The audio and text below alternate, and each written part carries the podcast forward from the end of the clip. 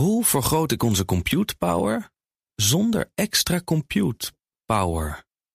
Lenklen, Hitachi Virtual Storage Partner. Lenklen, betrokken expertise, gedreven innovaties. Gaan we? Tech Update. Ja, de Tech Update met Joe van Buren. Joe, goedemorgen. En kon er weer. Hallo. Ja, ja, ja, er komt een eigen Mastodon-server voor iedereen in Amsterdam. Dat is mooi nieuws. Want we kunnen Amsterdammers nieuws over hun gemeente volgen... zonder afhankelijk te zijn van Amerikaanse sociale media-platforms. We kennen ze. Facebook, Instagram, Twitter, benoemen ze wel eens in deze tech-update. Mhm. En Mastodon is immers het decentrale alternatief... met federaal toezicht en, belangrijk, geen dataverdienmodel. De gemeente Amsterdam lijkt er zelf precies zo over te denken... want dit is letterlijk wat ze aanhalen... Uh, omdat ze zich willen losmaken van de afhankelijkheid van die geëikte Amerikaanse namen. Meer dan dat weten we overigens ook nog niet. Maar het sluit wel aan bij een trend, Bas. Want meer overheden op allerlei niveaus omarmen Mastodon. De Europese Unie doet het eigenlijk al sinds begin dit jaar. Die waren er vroeg bij. De Duitse overheid is er druk mee in de weer. En ook de Nederlandse overheid heeft al eens aangegeven dat ze het verkennen. En Amsterdam doet nog wel meer om zich los te maken van big tech platforms. Want vorige maand sloten ze zich daar nog aan bij Public Spaces.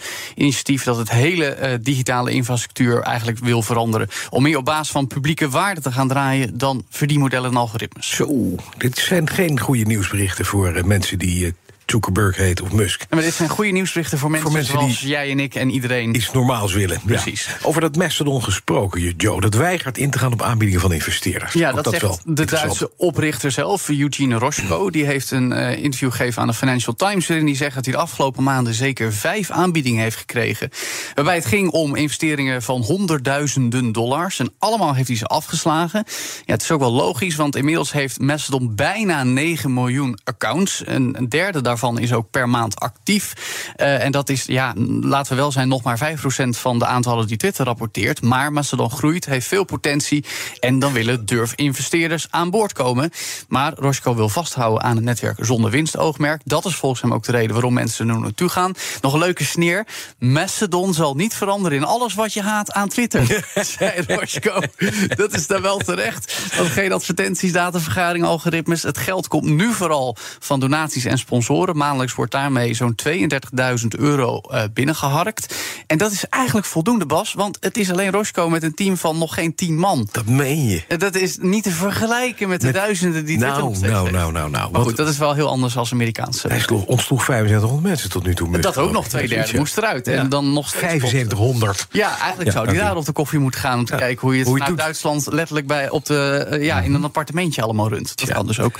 Nou, Twitter zelf had even last van een storing. Ja, afgelopen nacht kwamen daarover veel meldingen van tienduizenden gebruikers die niet op het platform konden posten of nieuwe berichten zien.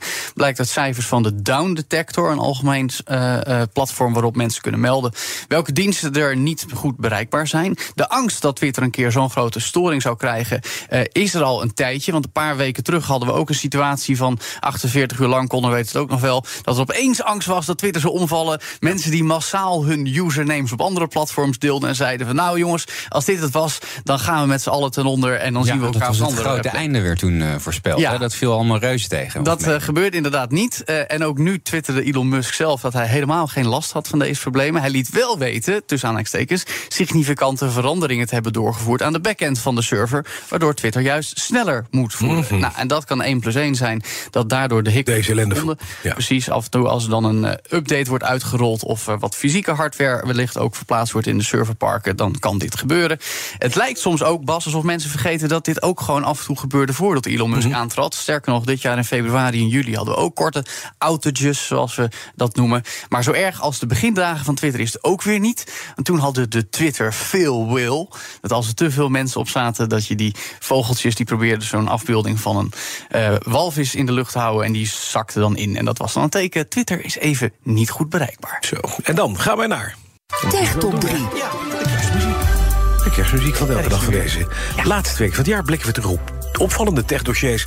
En welke pakken we vandaag, Joe? De doorbraken van AI. Oké. En daarmee ook de democratisering van deze technologie. Want die is dit jaar echt ja. ja, gekomen met een aantal toepassingen. De drie meest bekende en opvallendste van dit kalenderjaar. Nemen we nog een keer door. Nou, allereerst even versie 2 van DALL-E. Ja, afbeeldingen gegenereerd door AI zijn niet nieuw. Maar DALL-E 2 schroefde de kwaliteit wel drastisch op. In het voorjaar van 2022 kwam dat naar buiten. Fotorealistische afbeeldingen met eigenlijk ja, bizarre combinaties van zaken. Ik zag net nog, en ik citeer, een kom soep dat lijkt op een monster, maar dan gebreid van wol. En het, het ziet eruit alsof het echt bestaat. Dat- Je blijft je Bizar. Ja, het is echt iets bizars. En je hoeft alleen maar die beschrijving in te voeren. En Ja. het komt al, het hele fenomeen door AI-gemaakte afbeeldingen... werd er daar opeens ook mainstream met Midjourney en Crayon. Ja, en dan veel mensen laten avatars maken door AI met Lensa. Ja, de app die eind november opeens Ja. populariteit. Je gooit er tien foto's in, krijgt er honderden terug in allerlei stijlen. Hartstikke leuk, maar ook eh, zorgen voor kritiek. Want eh, zo'n, eh, ja, eh, dat werk wordt uiteindelijk gevoed door wat menselijke artiesten maken. wat Het echt- algoritme- echte schilderijen, precies. Precies, algoritme moet getraind worden. En Ja. dus eh, een discussie die we het nieuwe jaar veel gaan voeren... is het wel verantwoord dat we op die manier afbeeldingen laten maken door AI? Zo, en de absolute doorbraak. ChatGPT. Ja, de teksten die je Waardoor sinds... er nog maar één server staat. En Ja, de eindredacteur de hele dag Die niks zit te doen. computer geschreven. Sinds eind november kwam deze toepassing van OpenAI heel erg in de bekendheid. Zeer geavanceerde chatbot. Eenvoudige prompts kun je hele verslagen laten produceren. Bas, er wordt zelfs wel huiswerk mee gemaakt. Scriptie schrijven. Ja, is en dus- Eitje. Ja, en dus krijgen we nu een complete rethink. Die is nu al gaande, maar zeker het nieuwe jaar ook... hoe we dit soort technologie gaan gebruiken als mensen. En dat is wel echt een ding. En wij gaan straks ook met ChatGPT de meest grove fouten zien in Oh, stukken en, en plagiaten en noem maar op. Ja. Het wordt dik lachen. Nou, Gaat ook wel eens en heel zorgwekkend. En zorgwekkend. En sowieso interessant. Maar wel leuk. Joe van Buurik, dankjewel. De BNR Tech Update wordt mede mogelijk gemaakt door Lenklen. Lenklen. Betrokken expertise, gedreven resultaat. Hoe vergroot ik onze compute power zonder extra compute power? Lenklen. Hitachi Virtual Storage Partner. Lenklen. Betrokken expertise, gedreven innovaties.